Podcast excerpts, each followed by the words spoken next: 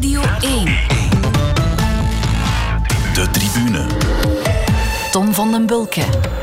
Een heel goede avond en welkom bij de tribune. We hebben er 2,5 jaar op moeten wachten, maar eindelijk kregen we nog eens een editie van Parijs-Roubaix. Stof was er dit keer niet in de hel, maar gesprekstof des te meer. We gaan erover praten met twee gasten. Voor de ene was het de laatste wegkoers van het jaar en voor de andere de laatste wegkoers van een hele carrière bij Sporza. Goedenavond Wout van Aert en Michel Wuits. Goedenavond, Tom. Goedenavond. Wout, jij bent niet hier bij ons in de studio, maar wel thuis. Ik kan me best uh, indenken dat je toe bent aan een beetje rust en dat je die dan inderdaad vooral thuis kunt vinden. Ja, inderdaad. Uh, ik was toch uh, behoorlijk moe als ik vanochtend opstond. En ja, ik heb ervoor gekozen om vanuit mijn zetel te vertellen. dat is je goede recht natuurlijk. Zie je ondertussen alweer iets uit je ogen, vraag ik me af. Want die stonden gisteren na de koers helemaal rood en dik. Ja, het is een beetje beter, maar ze doen nog steeds wel pijn eigenlijk. Eh, ik denk dat het toch eh, een beetje ontstoken is, dus eh, ik hoop dat de nodige druppeltjes hun werk gaan doen de komende dagen. Ja, wat was nu het probleem weer precies? Je had je bril afgezet ergens halfweg koers of zo? Ja, ja, ik heb eigenlijk altijd wel moeite om een bril te rijden die uh, een beetje aangeslagen is of waar dat er wat druppels op zijn. En uh, ja, dan kies ik er vaak voor om, om hem af te zetten. Alleen uh, gisteren liep dat wel voor een tijdje goed, maar op een gegeven moment zat er zoveel modder in mijn ogen dat, dat ik in de finale eigenlijk ook niet meer een goede zicht had. Dus dat was toch een foute keuze mhm. gisteren blijkbaar. Het heeft je koers wel beïnvloed dan toch? Ja, een beetje wel in de finale. Niet, niet dat ik veel harder kon fietsen, maar mm op de kasseien voel ik me toch niet altijd heel zeker. Zeker niet in de wielen, omdat, ja, omdat mijn zicht eigenlijk ook beperkt was. Dus uh, ja, dat was uh, zeker geen... Uh, Zeker geen makkelijke, makkelijke finale. Nee, ik stel voor dat we zo meteen met heldere blik Parijs-Roubaix gaan analyseren.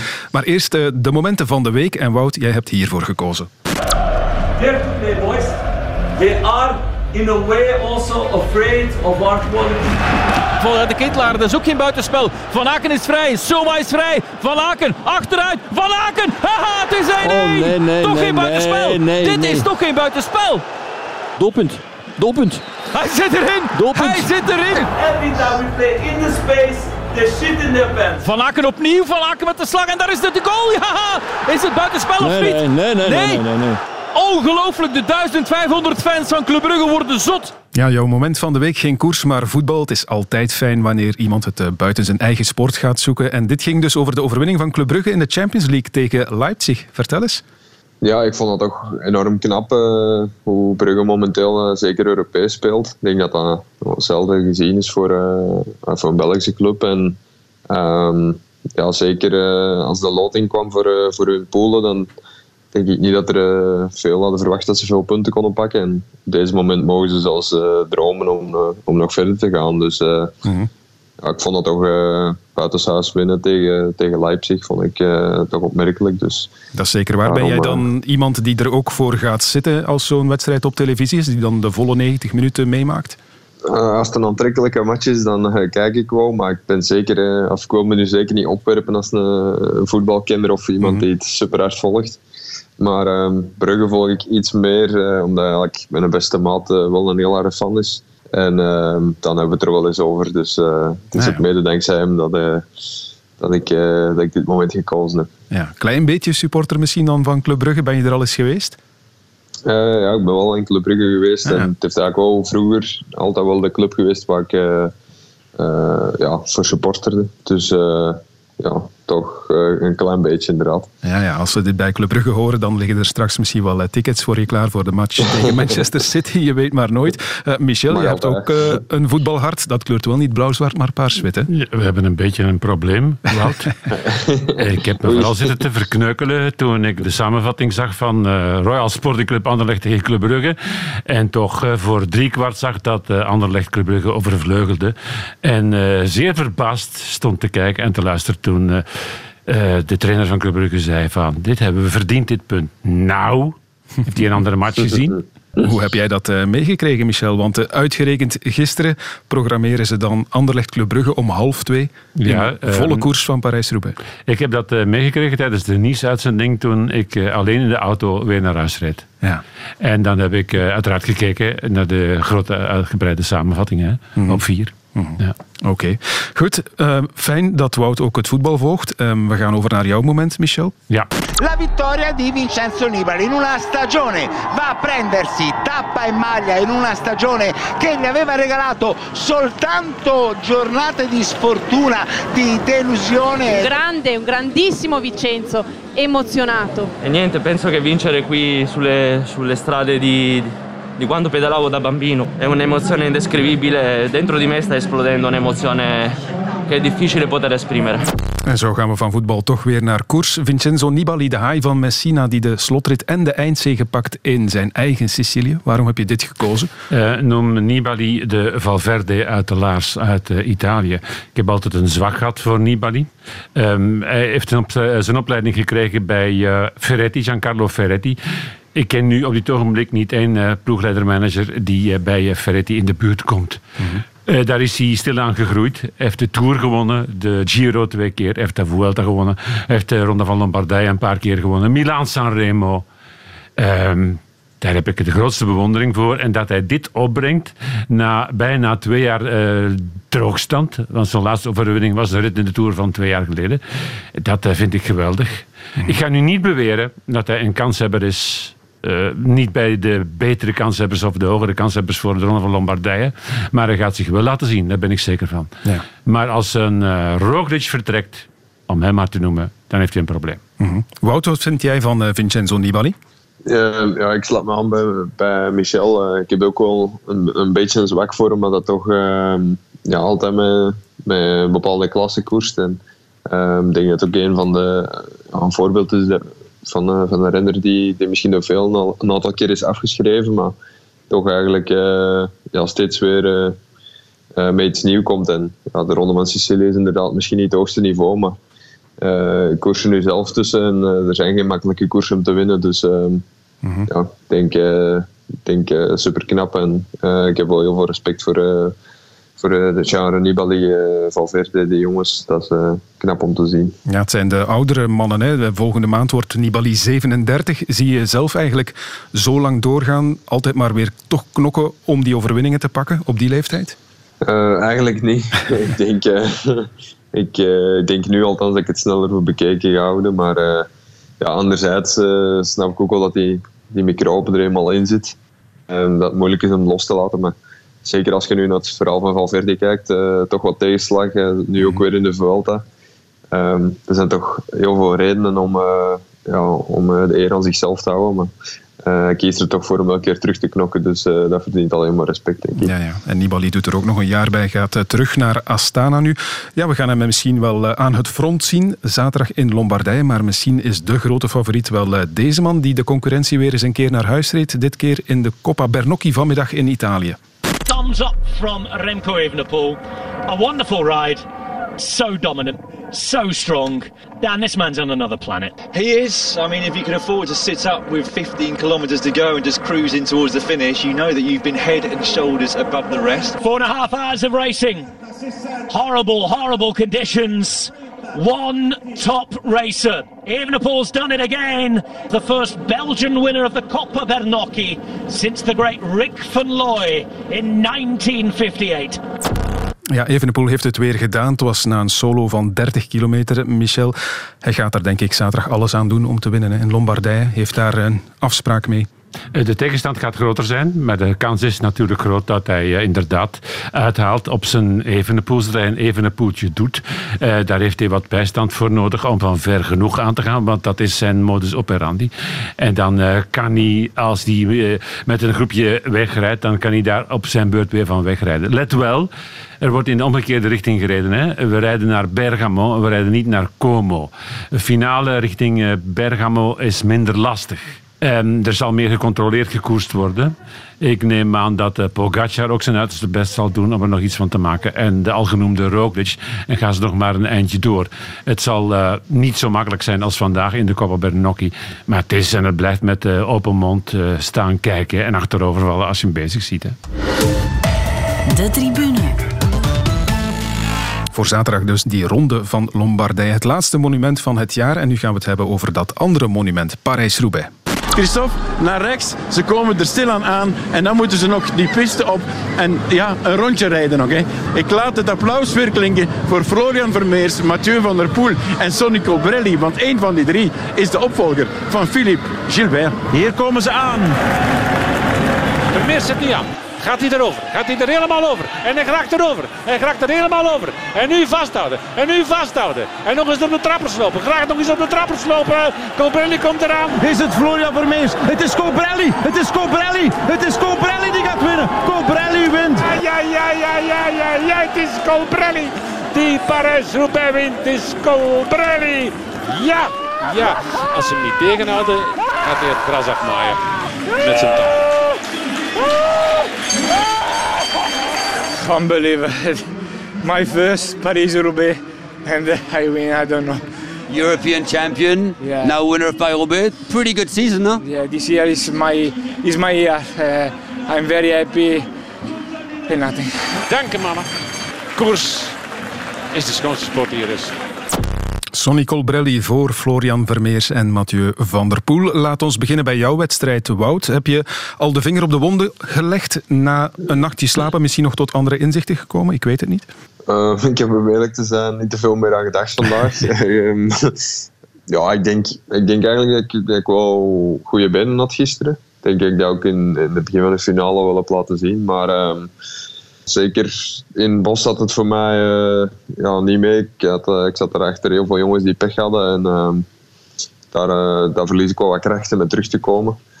En denk ik dat eigenlijk het, het, het rijden op natte kasseien mij, mij niet 100% eh, bevallen is. Dus eh, ik, dat, ik was soms iets te angstig, zeker als ik even iets te ver opdraaide. Dan, ja, dan probeer ik gewoon eh, de chaos te, te vermijden. En dan kwam ik soms een strook af met een achterstand dat ik, eh, eh, ja, dat, die ik beter niet had kunnen hebben. En, ehm, ja, zo laat ik me ook, ook verrassen als Mathieu eh, doortrekt. Dus ja, ik weet niet of ik had meegekunnen, maar ehm, ja, in de finale zat ik in ieder geval bij de betere jongens van, van mijn groep.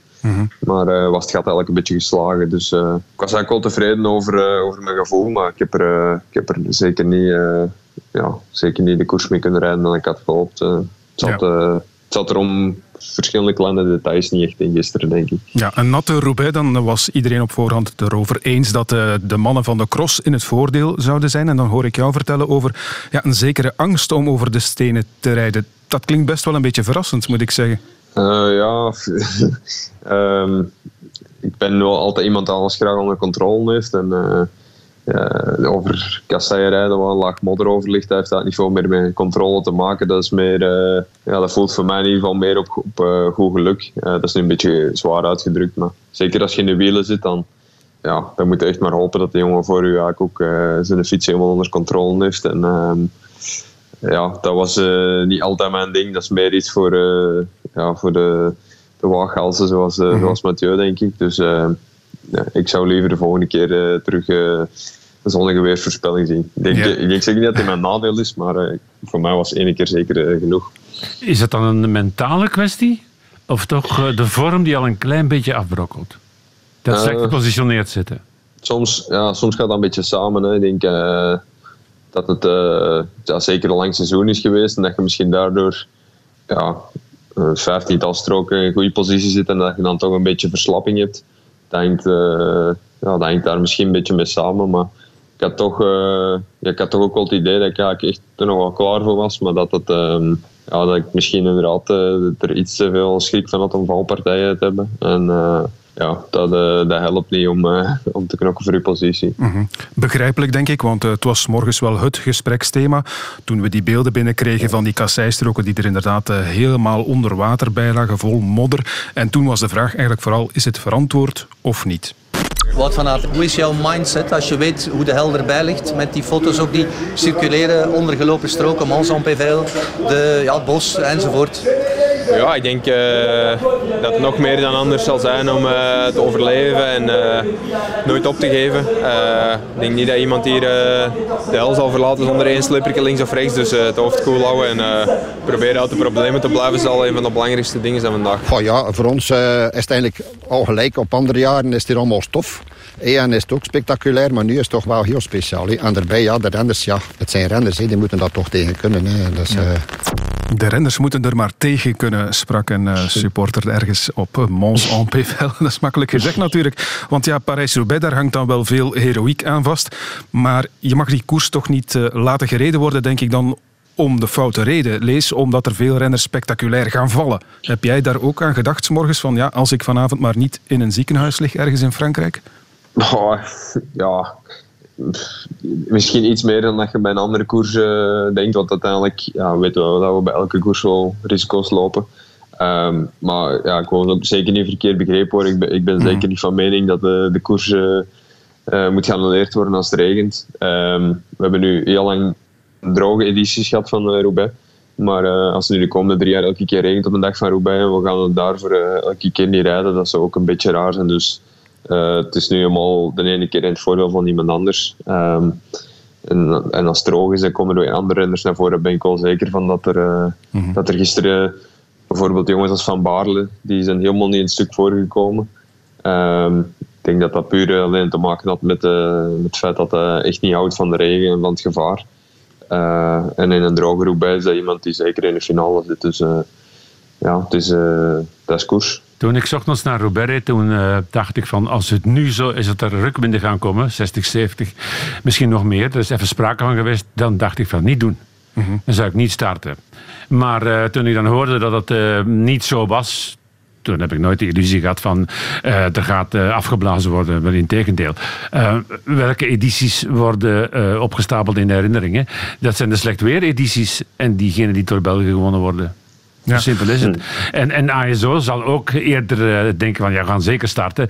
Want uh, ik zie naar de geschiedenis. Haal er 73 uit, uh, haal er die van Madio uit in 85, haal er 2001 uit en 2002 met Knaven en Museo. Mm. Ja, dat zijn diegenen die het langs blijven plakken. Ja, s'avonds was de discussie ook al wel wat verdwenen, denk ik, of zelfs helemaal weg. Oké, okay, er is veel gevallen geweest, dat zeker. Maar de balans, denk ik, als je kijkt naar het aantal breuken enzovoort, die viel echt wel mee. Ik heb weinig berichten van die aard gehoord. Dat helpt dan ook wel natuurlijk. Mijn suggestie was naar de jongens van online um, het uh, medisch bulletin uh, morgen mm -hmm. publiceren. Zet dat maar online. Dan kunnen we eens nagaan wat de schade is. Maar ik had gisteravond al in de mot van dat zal nog enigszins meevallen.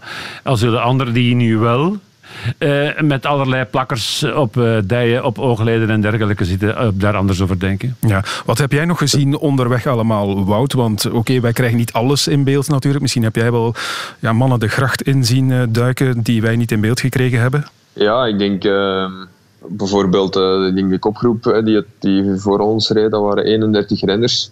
Ja, een aantal hebben we niet ingehaald, want die zijn voorgebleven. Mm -hmm. Maar ik denk dat ik er ook uh, een, tiental van die kopgroep ben voorbijgereden omdat ze op de grond lagen. En uh, ja, om maar te zeggen, uh, het was eigenlijk op de fiets blijven, dan kwam dat al heel ver. Ja, het probleem is dan ook vaak die kasseien dat dan, als er voor ons iets gebeurd is, staan de auto's daarmee stil. Moeten montage daarmee stoppen. Die, ja, als die kunnen blijven rijden, valt dat wel mee. Als die moeten stoppen op die natte kasseien, is er ook soms geen recht blijven aan. Dus, Mm -hmm. het montage in de kant zien liggen. Uh, ja, het was wel uh, chaos op een bepaald moment. Maar uh, ja, je bent zo gefocust op die koers dat je eigenlijk ja, en oprecht te blijven dat je, dat je daar, ja, dat, dat eigenlijk in de flits allemaal passeert. Het is per definitie een oneerlijke race. En toch wint er altijd een winnaar die het verdient. Een eerlijke ja. winnaar. Dat is vreemd, hè? Ja, dat is waar. Eigenlijk, um, eigenlijk is, is dat inderdaad vreemd. Maar langs de andere kant is de koers zo zwaar dat uh, ook al hebben er, uh, ja, laten we zeggen, tien goede renners pech, die daar het stuk verdwijnen, dan uh, gaat er altijd nog een renner krijgen die voorblijft in, die een grote klasse heeft. Dus het mooie aan Roubaix is ook dat bijvoorbeeld als je ziet hoeveel pech Yves gisteren had en dat hij toch ook nog een vijfde plaats kan halen. Um, ja, dat zou in geen een ander klassieker nog lukken. Ja, in Roubaix heeft iedereen zijn, zijn, zijn, zijn eigen verhaal en zijn dosis van de pech. En, uh, dat heeft het altijd wel uh, zin om te blijven geven en dan kun je nog een mooie uitslag rijden. Ik heb nog een pertinente vraag voor jou, Wout. Zou Moscon -hmm. zonder pech en val overeind gebleven zijn en gewonnen hebben? Ik denk het wel. Uh, ja, ik, ik heb de beelden niet integraal gezien van de finale, maar uh, als ik zag hoe hij eigenlijk ja, het deed voor, voor zijn fietswissel, ja, had, hij, had hij ook echt controle over die kasseien. En eh, ja, het is ook iemand dat goed het peloton rijdt, dat weet ik. Dus ik denk wel dat hij inderdaad eh, vertrouwen heeft. En toen hij dan door het materiaalpech van fiets moest wisselen, is er toch iets misgelopen met zijn bandendruk volgens mij. Dus daarna ja, viel hij plots. En hij was al een hele tijd dat hij constant we tegen de achtervolging ging. Dus ik denk dat dat, dat voor hem heel goed zag. Voor jou is het de zevende plaats geworden, Wout. Je hebt achteraf geen excuses gezocht. Zou het kunnen kloppen dat je net over je piek heen was? Dat je al misschien te goed was in de Ronde van Groot-Brittannië? Um, ja, dat is misschien uh, iets te gemakkelijke conclusie, vind ik eerlijk gezegd. Uh, mijn gevoel gisteren was echt wel beter dan het WK. En uh, ook in de finale voelde ik me nog, nog goed. Um, ja, ik zat heb geprobeerd om op Carrefour de Larme nog shifting te maken bij ons. Maar we zaten aan mijn deelrenners die, uh, die nu helemaal uh, goed over de kassei rijden. En, zoals bijvoorbeeld Hausler, maar geen trap meer hebben gegeven. En dan ja, zaten we een beetje gevangen in die situatie, ik en Yves vooral. Dus ja, ik had niet het gevoel dat ik echt het maximum meer heb kunnen uithalen. Maar ik voelde me wel beter als de week voordien. Dus het was eigenlijk zeker niet zo dat ik gisteren het gevoel had dat een verdere neerwaartse spiraal of zo was. Maar, uh, dus je hebt niet het gevoel van het was in de voorbereiding misschien de hoogtestage te veel. De eerste keer dat het gewenste effect er ook niet was? Um, ja, ik denk dat er zeker het gewenste effect er wel was. Dat, mm -hmm.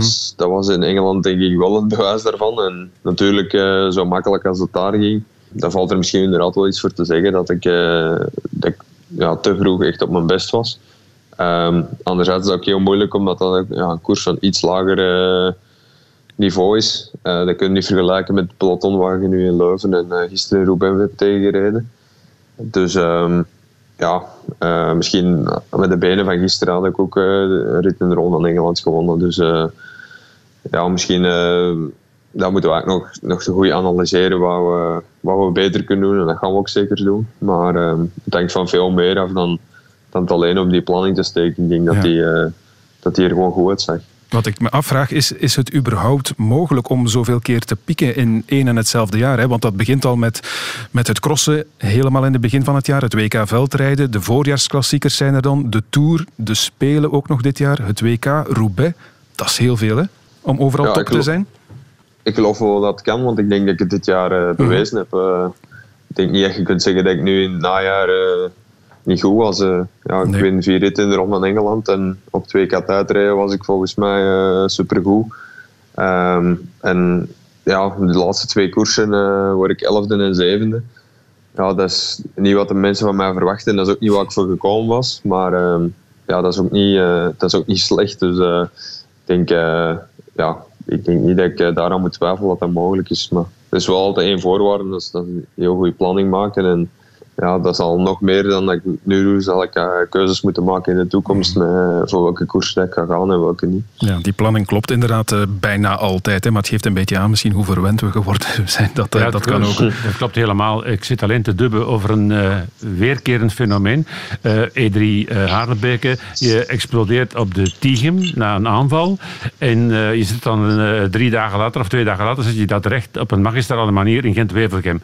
Hetzelfde doet zich voor in de ronde van Vlaanderen. Je explodeert, nou ja, je moet lossen op de Oude Quaremont en dan zit je daar terecht um, door uh, herenmeester te spelen in de heuvels rondom, um, of die van de Amstel Gold Race. Um, en nu op de Smijsberg uh, een identiek patroon. Zit je daarmee en heb je daar een verklaring voor?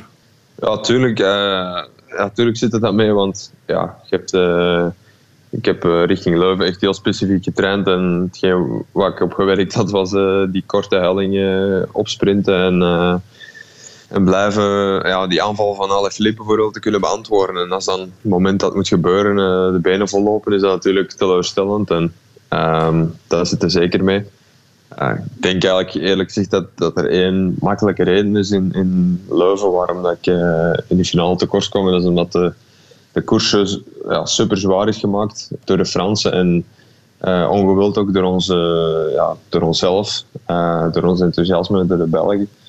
Um, en ik denk ja, dat, dat dat mij zoveel energie heeft gekost dat het laatste een beetje op was en dat eigenlijk uh, lichter type zoals, zoals Alaphilippe eigenlijk in het voordeel was. Die moet ook net altijd iets minder diep gaan om al die klimmetjes te overleven. En dat kunnen zeker compenseren als het een, een finale van een uur is. Dan heb je net voordeel dat je wat meer kracht hebt. Zo'n jongens als ik en Mathieu. Maar uh, als het een finale van 200 kilometer is, dan begint bij ons de energievoorraad te, te slinken. En uh, ik denk dat datgene is wat er gebeurd is. Mm -hmm. Ik wil het uh, straks graag nog eens hebben over dat WK, of toch uh, zeker over de nasleep ervan. Nu eerst nog even terug naar Roubaix. Michel, heb je ooit een grotere vreugdeuitbarsting gezien, meer emoties gezien dan gisteren bij Colbrelli? Nee, nee. Um, ik heb gisteravond zitten nog uh, terug uh, te spitten en uit te diepen van... Is dat nog gebeurd? Nee, op deze manier niet.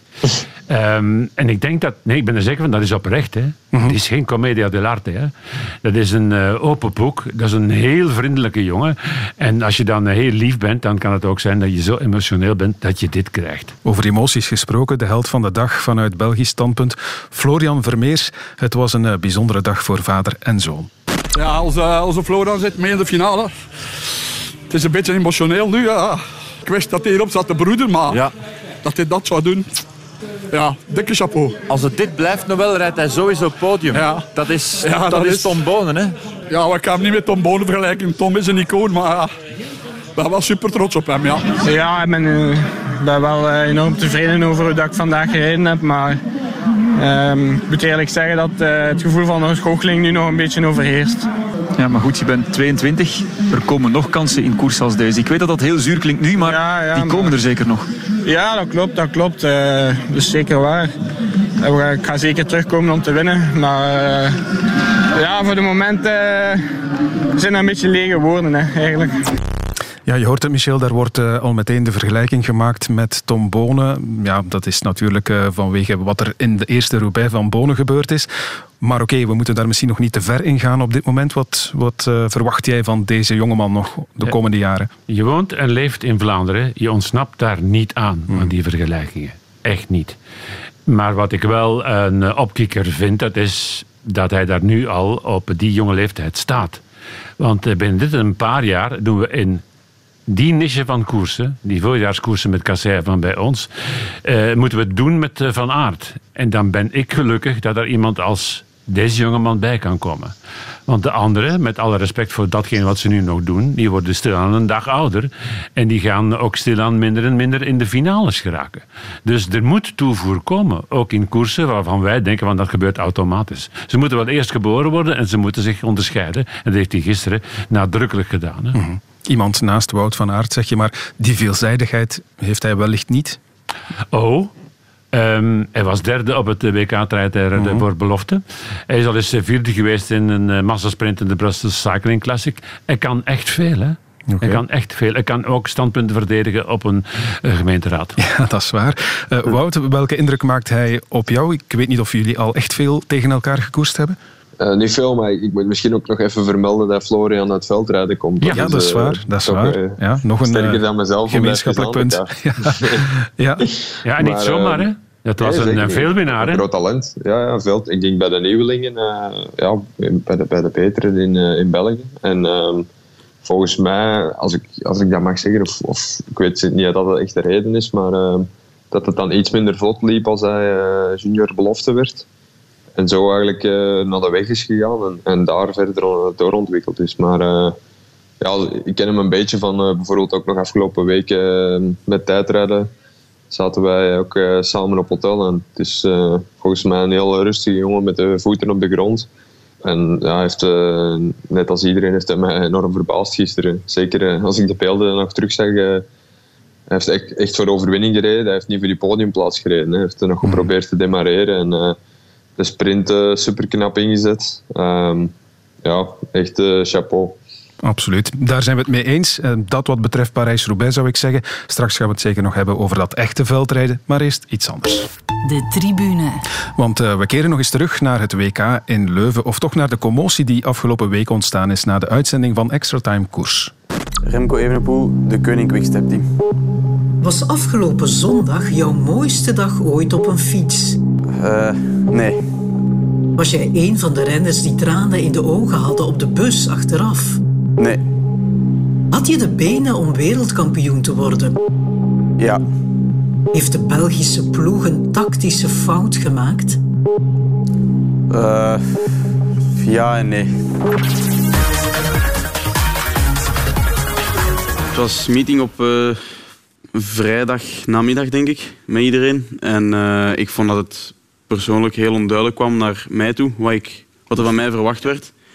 Dus ik heb eigenlijk een, uh, een beetje een, een, twijfelachtige nacht gehad, vrijdag op zaterdag. En dan ben ik zaterdag naar Sven en Serge gegaan en heb gevraagd, kijk, wat verwachten jullie eigenlijk van mij? Want het was mij niet duidelijk en ik had ook het gevoel met de verkenning dat er wel voor mij persoonlijk ook een kans lag om ergens weg te rijden. En ik heb dat gewoon plat af gevraagd en gezegd van, ik denk dat ik wel in een bepaald scenario de koers kan winnen. Maar uh, ja, er is vooral de kaart Wout getrokken en dan heb ik mijn knop omgedraaid en ook uh, gedaan. er gewoon alles voor gedaan. Ja. Remco Evenepoel met een aantal uitspraken die jou gestoord hebben. Wout, ik had de indruk dat hij echt wel geprikkeld was hè, hierdoor. Ja, toch wel. Uh, ja, ik vond dat ten eerste iets uh, dat, dat, we onderling hadden moeten bespreken. sowieso binnen de binnen de ploeg was dat wel de ruimte voor geweest. Um, we waren ook nog samen na de koers. Um, en als er dan nog niet uh, uh, dat gevoel was gekomen, had hij dat, had hij dan later kunnen doen. Maar ik denk niet dat een tv-studio daar de plaats voor is. En, um, ja, anderzijds, inhoudelijk vind ik het ook een beetje raar dat, uh, dat Remco zich volle bak wou smijten voor de ploeg. Dat hij wist wat de tactiek was. En ja, dat hij dan eigenlijk achteraf beweert dat dat allemaal niet duidelijk was en dat hij toch ook voor zichzelf wou rijden. Ik denk dat, dat, dat Sven daar heel duidelijk in heeft geweest um, wanneer hij Remco selecteerde. Ja, voor mij kwam dat uh, ja, heel erg uit de lucht vallen dat, uh, dat ik dat plots op tv moest zien. Jullie hebben een, intussen contact gehad, heb ik kunnen lezen. Wie heeft daarvoor het initiatief genomen? Um, ja, ik heb de, na de dag nadien Parijs-Roubaix verkend. En kreeg natuurlijk vragen erover. Ik denk dat Remco daar ook is opgevallen en toen heeft hij mij uh, gecontacteerd. Ja, dat was eigenlijk vrij kort. Uh, ik denk niet dat we daar uh, grote stappen in, in hebben gezet om dat uit te klaren. Maar ja, dat mm-hmm. zal wel komen. Ja, José de Kouwer zei, die twee kunnen maar beter eens een koffie gaan drinken. Dat zal er dan eerst moeten van komen voor jullie inderdaad wat ja, de lucht weer vrijmaken tussen jullie? Uh, ik denk wel dat het belangrijk is dat we daarover spreken. Hè. We gaan uiteraard nog wel uh, samen in selecties zitten. En ik denk uh, eigenlijk dat, dat we ja, allebei een profiel zijn, hebben dat perfect bij elkaar kan aanleunen om samen te koersen. Alleen ja, de communicatie is in, in alle, alle, relaties belangrijk. En ik denk dat daar uh, Remco nog wel stappen in moet zetten. Mm kan hiervan iets blijven hangen? Want echt vergeten is misschien moeilijk. We praten tenslotte over een van de belangrijkste koersen toch van het jaar, het WK. Ja, dat, dat, zal, dat zal natuurlijk blijven hangen. Maar ja, moet ik zeggen, je moet als mensen altijd vergevingsgezind zijn, vind ik. Want anders uh, maakt je leven wel heel moeilijk. Dus voor mij hoeft dat zeker niet in de weg te staan om, om later samen samen te koersen. En er gaan sowieso nog WK's of andere gelegenheden komen waar het parcours veel beter voor Remco is. En ja, waar ik mijn voor zal moeten en willen opofferen. Dus dat, is, dat is geen probleem. Maar ik denk wel dat, ja, dat het belangrijk is dat we, dat we zo'n dingen veel beter onderling kunnen bespreken. Mhm. Michel, hoe kijk jij daarnaar? Want dit gaat inderdaad in de toekomst nog wel eens op tafel komen. Hè? En dan komt het misschien toch de eendracht binnen de Belgische ploeg niet ten goede. Ik stond, veronder, ik stond vooral versteld dat het nog een uh, issue was. Want uh, ik weet met absolute zekerheid dat uh, onmiddellijk na het Europees kampioenschap, dat Remco tegen een aantal krantenjongens, dat is overal verschenen, gezegd heeft: Ik heb mijn kans nu gehad en ik ga me in Leuven volledig leegrijden voor Wout van Aert. Mm dus maar de dag voor het WK gaat hij dan toch iets anders vragen. Ja, dan uh, is het blijkbaar zo dat hij opgeworpen heeft van ja, ik heb hier ook een kans. Dus ik stond versteld dat dat überhaupt nog een issue was. Los daarvan denk ik wel dat er een formule kon bedacht worden waarbij Evenepoel een pertinente rol zou kunnen gespeeld hebben dieper in de finale. Op voorwaarde dat hij dan niet de eerste keer mee in een vlucht gaat door Fransen aangewakkerd op 180 of 170 kilometer van de aankomst. En ook nog eens een tweede keer. Dan moet je het op een andere manier doen. Je zit op WK-niveau, hè? Mhm. En dan is het nog de vraag: kun je op een parcours als dat eh, van Leuven een voorsprong uitbouwen, zoals hij dat nu bijvoorbeeld vandaag gedaan heeft in de Coppa Bernocchi? Dat is één. Twee, stel dat dat niet lukt, um, ga je dan in staat zijn om uh, Alaphilippe te volgen tot drie, vier keer toe? Dan is mijn antwoord daarop nee. We hebben uh, gisteren kunnen kijken naar uh, Alles voor Goud. Kun je ook nog herbekijken op VRT Nu trouwens. Het is een blik achter de schermen bij de nationale ploeg tijdens de Spelen, tijdens het EK en het WK. En daar zie je toch dat Remco Evenepoel niet altijd de opdrachten volgt die hem voorgelegd worden door de bondscoach. Er is op een bepaald moment een duidelijk bord dat hem getoond wordt tijdens het WK, niet rijden. Sven van Toerenhout zegt hem tijdens het EK, wanneer hij met Colbrelli op pad is, niet meer rijden nu. En toch doet hij het. Waaraan ligt dat dan? Heeft dat te maken met het temperament in hem dat toch nog de bovenhand neemt op dat moment? Nee, Die geloof, onstuimigheid? Of? Ik geloof absoluut in de temperamentenleer. Ja, met zekerheid. En dat is ook uh, eigen aan uh, aspirant-kampioenen en zeg maar kampioenen. Hè. Mm -hmm. Als je dat niet hebt, die eigenzinnigheid, dan moet je er niet aan beginnen. Maar er zijn anderzijds ook, en dat is belangrijk voor een WK, want dat is voor een gelegenheid, een assemblage van mensen uit verschillende ploegen, is toch die eenheid. En dan moet je daar toch wel rekening mee te houden. En moet je daar toch ook in de grootst mogelijke mate aan houden, vind mm. ik. Stel nu dat uh, Wout wel een goede dag had gehad. Dan was er wellicht geen probleem geweest. En stel dat uh, Stuiven wel tweede wordt. Dan zou er wellicht ook geen discussie geweest zijn. Denk jij er ook zo over, uh, Wout? Ja, dan, zeker als we de koers hadden gewonnen, dan uh, ja, dat was uiteindelijk uh, ook iedereen's verwachting. Dus uh, dan hadden we de verwachtingen ingelost en dan was het voor iedereen, was het voor iedereen goed. Als we de koers niet wonnen zoals nu gebeurd is, dan wist ik ook wel dat er van alle kanten kritiek ging komen. Um, maar ja, op deze manier dat had ik ook niet zien aankomen. En, ja, ik, ik, kan ook alleen maar bevestigen dat het absoluut niet de tactiek van de bondscoach van de ploeg was om Remco op die manier te gebruiken. Hij heeft er zelf voor gekozen om zo vroeg al mee in de aanval te gaan. Dat was veel meer iets um, voor Victor en Lampaard, mm -hmm. die er ook klaar voor zaten. Om, om, die, om die eerste aanvallen te pareren. dus ja, we hebben, ja, Remco heeft zijn, zijn, zijn borst veel te snel leeggegeten. En jongens als Yves en Victor hebben eigenlijk misschien ja, te weinig kunnen doen daardoor. Dus we hebben eigenlijk nooit een, een taak kunnen uitvoeren. Um, doordat Remco eigenlijk voor was.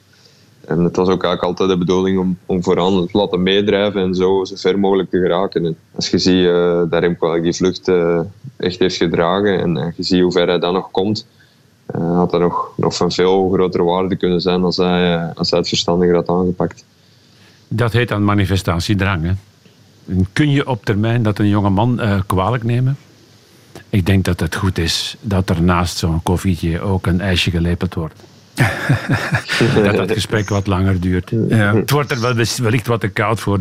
Doe dan een pannenkoek. Ja. Dat moet kunnen. Hè. Wouter zat ook wel geweldig veel druk op dat WK natuurlijk. Hè. Jij kunt daar doorgaans heel goed mee om. Maar heeft het in dit geval toch een rol gespeeld, denk je, bij jou? Nou, ik, had niet, ik had niet dat gevoel dat dat mij slechter heeft gemaakt of dat mm -hmm. ik uh, last had daarvan. Um, dus ja, ik denk eigenlijk eerlijk gezegd dat daar niet aan lag. Ik, uh, ja, ik, ik, blijf eigenlijk bij hetgeen wat ik daarnet vertelde. Dat volgens mij, de, zoals er nu gekoerst is, dat dat absoluut niet in mijn voordeel was. Mm -hmm. um, Zo'n lange en zware koers. In principe heb ik graag een zware koers, omdat ik dan uh, mijn sprint meer tot uiting komt. Maar uh, ja, zoals nu, dan uh, gaat er zoveel verbruiken dat je, ja, dat je eigenlijk het effect krijgt wat je, wat je in een bergrit krijgt. Ja. Uh, dat klinkt misschien nu raar, maar ik denk wel dat datgene is wat er gebeurd is. En met een superdag en misschien uit de, uit de Tour de France komend, zou, me dat, zou me dat liggen. Maar nu was dat te veel van het goede. Ja, en het is misschien moeilijk ook om dat tijdens dat WK dan nog ja, te gaan rechtzetten, omdat communiceren net ook niet gemakkelijk is. Het is er al een paar keer over gegaan ook, dat gebrek aan oortjes tijdens ja, een van de belangrijkste, zo niet de belangrijkste koers van het jaar, dat is toch eigenlijk niet meer van deze tijd. Nee, ja, dat is heel raar. Ja, zeker om, zoals gezegd, dat dat alleen tijdens één koers in het jaar nog, uh, nog zonder oortjes is daar. Ja, daar valt eigenlijk geen, ja, geen zinnige reden voor te vinden, denk ik. Mm -hmm. um, dus ja, dat, dat, is, dat is inderdaad heel frappant. En daarbij komend nog eens dat er zoveel mensen langs de kant stonden, was ja, fantastisch om door te fietsen. Echt uh, ja, een dag dat ik nooit ga vergeten. Maar dat maakt het ook gewoon letterlijk moeilijk om tegen de, de gast naast u of voor u iets te kunnen zeggen. Dus zelfs onderling communiceren was, was heel moeilijk. Het is ook zo dat uh, Wout aan het eind is van een periode die begonnen is in 2020, zowat ergens in het midden van het uh, jaar. Dat moet uh, juli, augustus geweest zijn. En dat hij dan in één druk doorgegaan is, met ondertussen ook nog eens perikelen waar hij zelf ook mee in de bres gesprongen is bij de geboorte. En dan ook nog eens een blinde darmontsteking met gevolgen. Dus die rust die is altijd zeer relatief geweest en soms wel eens onbestaande. En dan denk ik dat het nu essentieel is dat hij uh, de volgende drie, vier weken volledig verdwijnt. En dat we afspreken, uh, we zien elkaar aan het eind van november uh, in Kortrijk in de Urban Cross. Want daar heb je een sponsor, hè? Wout? ja, dat klopt. Maar ik denk, uh, als ik naar Kortrijk afzak, dat het nog in mijn jeansbroek zal zijn. Okay. Dus, het zal misschien dat weten we dan ook weer.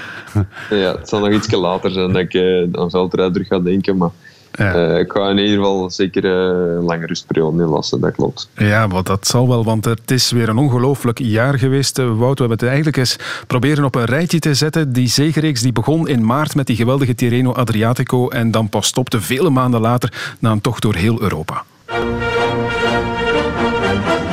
José, je mag beginnen. Jouw moment is dagvers. Ja, de sprint van Wout van Aert, ja. ja. Tirreno Adriatico. Ja, absoluut. Uh, je kan daar niet omheen, hè.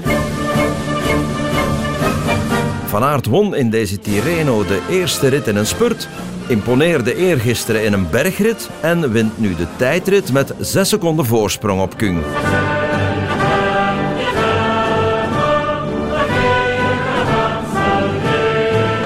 Achteruit komt Trentime, die komt te laat. Wout van Aert gaat winnen. Nathan van Hooijdonk juicht nu al. Wout van Aert wint de klassieker Gent-Wevelgem. Wilhelmus van Nassau. Nu zitten we in de laatste rechte lijn. Op weg naar de streep van de Amstel Gold Race 2021. Kan hij nog aandringen waarna het is Pitcock? Dat durf ik niet te zeggen. Oef, dit is echt wel een close finish. Ja.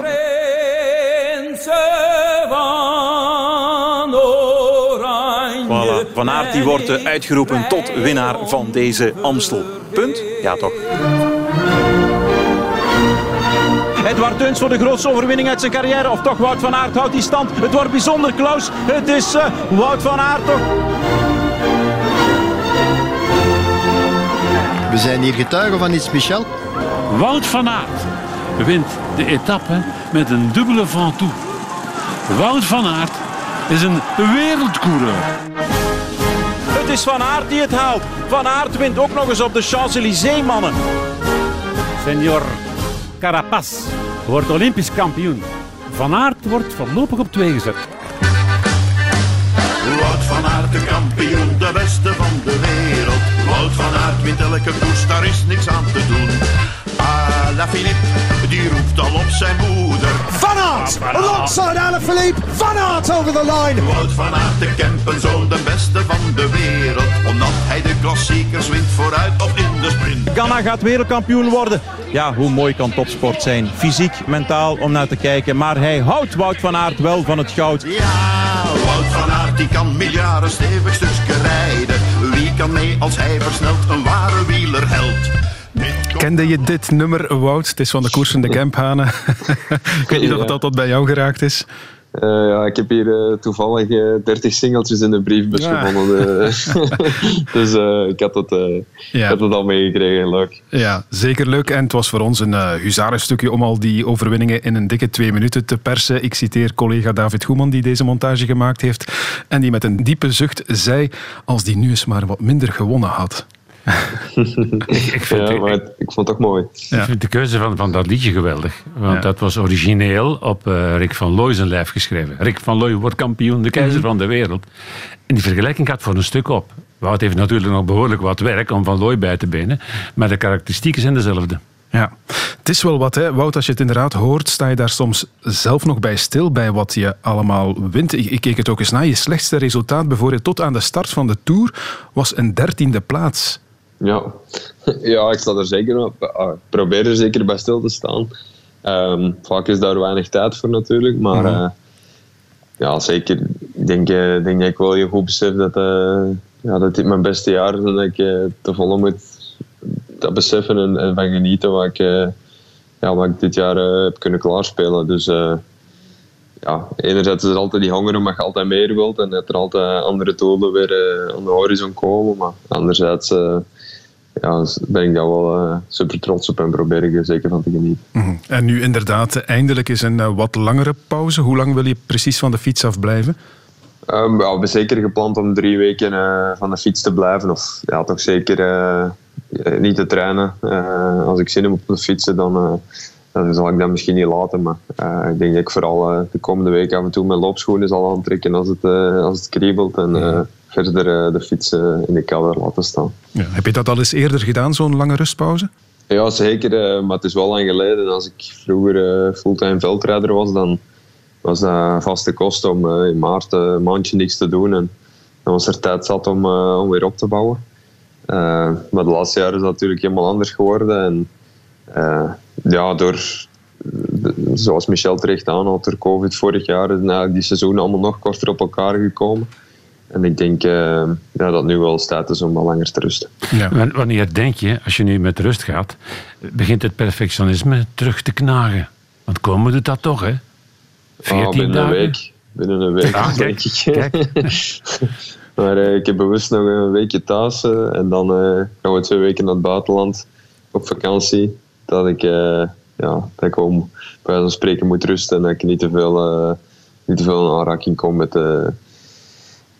ja, met die, die interne kwelling. maar, maar, maar, maar lopen wel? Jawel, maar dat is, ja, eigenlijk is dat geen het liefste wat ik doe. En, ja. Zeker nu in het wegseizoen probeer ik de kilometers dat ik loop te beperken, omdat dat ja, toch uh, altijd wat spierschade geeft. Ja. Uh, maar nu moet ik daar niet naar kijken en dan, dan hou ik er wel van om eens wat langer te kunnen lopen. En heb je dan een schuldgevoel als je dat een keertje niet gedaan hebt? Mm, nee, dat niet. Uh, dus meer, ja, ik bekijk het ook niet, ik tel het ook niet bij mijn training bijvoorbeeld. Het is echt gewoon een extra, ja, iets extra dat ik gewoon ja, graag doe om s morgens mee op te staan. Dat doe ik het liefst. En voor om buiten even te lopen, dan, uh, dan ben ik een andere mens als ik terugkom. Ik schrijf het dan altijd op als mijn prestatie van de dag. Als ik er tien loop. ja, maar, maar, dat is ook al veel. Ja. Na die rust komt natuurlijk toch het veldrijden weer op uh, de proppen. Ja, Kortrijk gaat te vroeg komen, zeg je. Daar ga ik in mijn jeansbroek naartoe. Heb je al een uh, plan wat dat het veldrijden betreft? Waar ga je je eerste cross weer rijden? Ja, min of meer heb ik wel iets in gedachten, maar we hebben nog niet met de, met de ploeg samen gezeten. We wouden gewoon eerst het wegseizoen uh, goed afronden. Um, ik denk dat ik misschien deze week, uh, voor ik op vakantie ga, mijn telefoon nog wel zal pakken, zodat we dat te goed kunnen bekijken. Maar uh, ja, het gaat zeker ergens in december zijn en hopelijk kan ik dan via een mooie kerstperiode naar, naar het kampioenschap van België toewerken. Um, in Lombardzijde? Ja, ik ben heel benieuwd hoe dat, dat parcours zal zijn. Ik, ik ken het wel. Oké. Okay. Ja. Denk, het, het ik denk gaat je dat, liggen. Oké, okay, voilà. Gelukkig. En ja, eigenlijk vooral, uh, zoals ik de laatste jaren altijd gedaan heb, zal toch uh, uh, ook de cross een beetje in functie van het voorjaar moeten passen. ja, ik denk dat we ondertussen met genoeg jongens zijn om te bewijzen dat het een supergoeie voorbereiding is. Ja. Um, en ja, ik kijk er alweer naar uit om, om mijn collega's te vervolgen. Heb je al een idee, grosso modo, hoeveel crossen je ongeveer wil rijden? Nee, ik heb daar nog niet echt iets opgeplakt, ja zou nu kunnen zeggen tien, maar dat kun je in de kerstperiode op tien dagen tijd ook uh, bij van spreken doen. Dus ja, dat, dat zegt ook niet echt iets. Uh, het kunnen er misschien wat meer worden. Uh, ja, daar uh, ik denk ook niet dat, ja, dat 10 bij van spreken per definitie goed is en dat 15 per definitie te veel is. Ik denk meer af in welke periode dat het past en niet, niet past. Michel, jij gaat de veldritten nog verslaan voor Sportza, maar ja, sinds gisteren is er eigenlijk een, een, punt gezet achter jouw carrière als uh, commentator van de wegkoersen hier bij ons, bij de VRT. En hoe voelt dat nu, of hoe voelde dat gisteren voor jou? Ik heb daar gisteren met uh, geen seconde, ik heb daar geen seconde aan gedacht. Ik was zo gedreven, daar is nog niks van weg. van die passie is ook nog niks weg. Dus ik ben eigenlijk nog niet klaar om te stoppen. En ik ga er ook vanuit dat ik de eerste jaren nog niet stop. Maar in welke uh, mate ik dan uh, aan bod zal kunnen komen, of hoe, of waar, ja, dat weet ik niet. Je hebt nog geen idee, nog geen plan? Um, contacten zijn er, mm. maar er is een groot verschil tussen contacten en contracten. Ja. Ik kan me best wel indenken dat het inderdaad uh, ja, niet in je opkomt van ik ga ermee stoppen. De koersen zijn ook gewoon veel te leuk natuurlijk. Zoals gisteren, zoals het WK de jongste jaren hebben we de mooiste evolutie meegemaakt die ik in die 30 jaar gezien heb. Er wordt met bijzonder veel uh, drang gekoerst. Er is enorm veel ondernemingsdrang. en er zijn uh, jongens die geen schrik hebben om alle registers op te trekken op pakweg 70, 80 kilometer van de aankomst. En desnoods nog wat verder. Dat is een ware revolutie. En je ziet dat wat uh, Wout van Aert en uh, Van der Poel gedaan hebben, er zijn volgelingen. Ik zie nu bijvoorbeeld de Ronde van de Isar, laatste etappe. Gijs Leemreizen, zo heet die jongen, een Nederlander, die vertrekt op 60, 65 kilometer van het einde en wint op die manier het eindklassement. Daar moeten we absoluut naartoe, dat moeten we vasthouden. Mm. Ik denk terug aan Pogacar in die eerste Alperit. Die gaat weg op de Col de Rome en rijdt ze allemaal ondersteboven. Ja, dat, dat, wil je toch zien. Daar wil je toch bij zijn. Daar wil je toch over vertellen. Ja. Wout, jij hoort uh, Michel natuurlijk meer niet dan wel, omdat je nu eenmaal zelf op die fiets zit. Uh, ben jij iemand die koersen soms herbekijkt? Uh, ja, minder dan vroeger, maar zeker een koers als gisteren ga ik nog herbekijken. Om, omdat ik ja, meer dan een helft niet heb kunnen meemaken. Ja. Plots komt een strook af en zijn er twintig renners gelost, maar je weet vaak niet wat er gebeurd is. Ja. Dus zo'n klassiekers, die, die kijk ik graag een keer terug. Helemaal en, van, uh, van vooraf aan tot het einde? Uh, ja, bij Roubaix wel. En zeker ja. gisteren, ik had voor mijn gevoel dat begon de finale bij ons op de eerste strook met 160 kilometer te gaan. Uh, dus uh, dat wil ik nog allemaal een keer terugkijken. Ja, heb je dat al gedaan of uh, staat dat nog op het programma de komende dagen? Dat heb ik nog niet gedaan. Ik had vandaag geen, geen toelating thuis om koers op tv te zetten. dat kan ik me voorstellen dat het even de riem eraf is nu ook wat dat betreft. Um, ja, traditioneel ronden we af, want we zitten al in de laatste minuut alweer van deze uitzending. Met de vraag waar jullie nog naar uitkijken deze week. Wout, ik kan me in jouw geval voorstellen dat dat de vakantie zal zijn. Hè?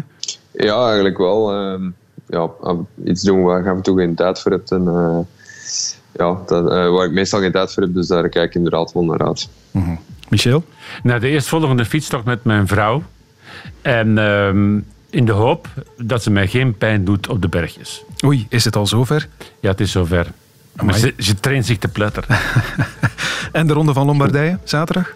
Ja, uiteraard. Maar dan wel van thuis uit. Hè? Mm-hmm. En als het spannend wordt, weglopen uh, naar de ijskast om daar wat te gaan te slurpen. Ja. Om dan toch nog net de arrivé te zien. Oké, okay. vergeet ook, want dat hebben we in het begin geleerd, de Rode Duivels niet. Jullie zijn allebei voetballiefhebbers en die komen er donderdag en zondag aan. Ik ga jullie bedanken voor uh, deze aanwezigheid in de tribune. Michel Wuits en Wout van Aert. Fijne avond nog.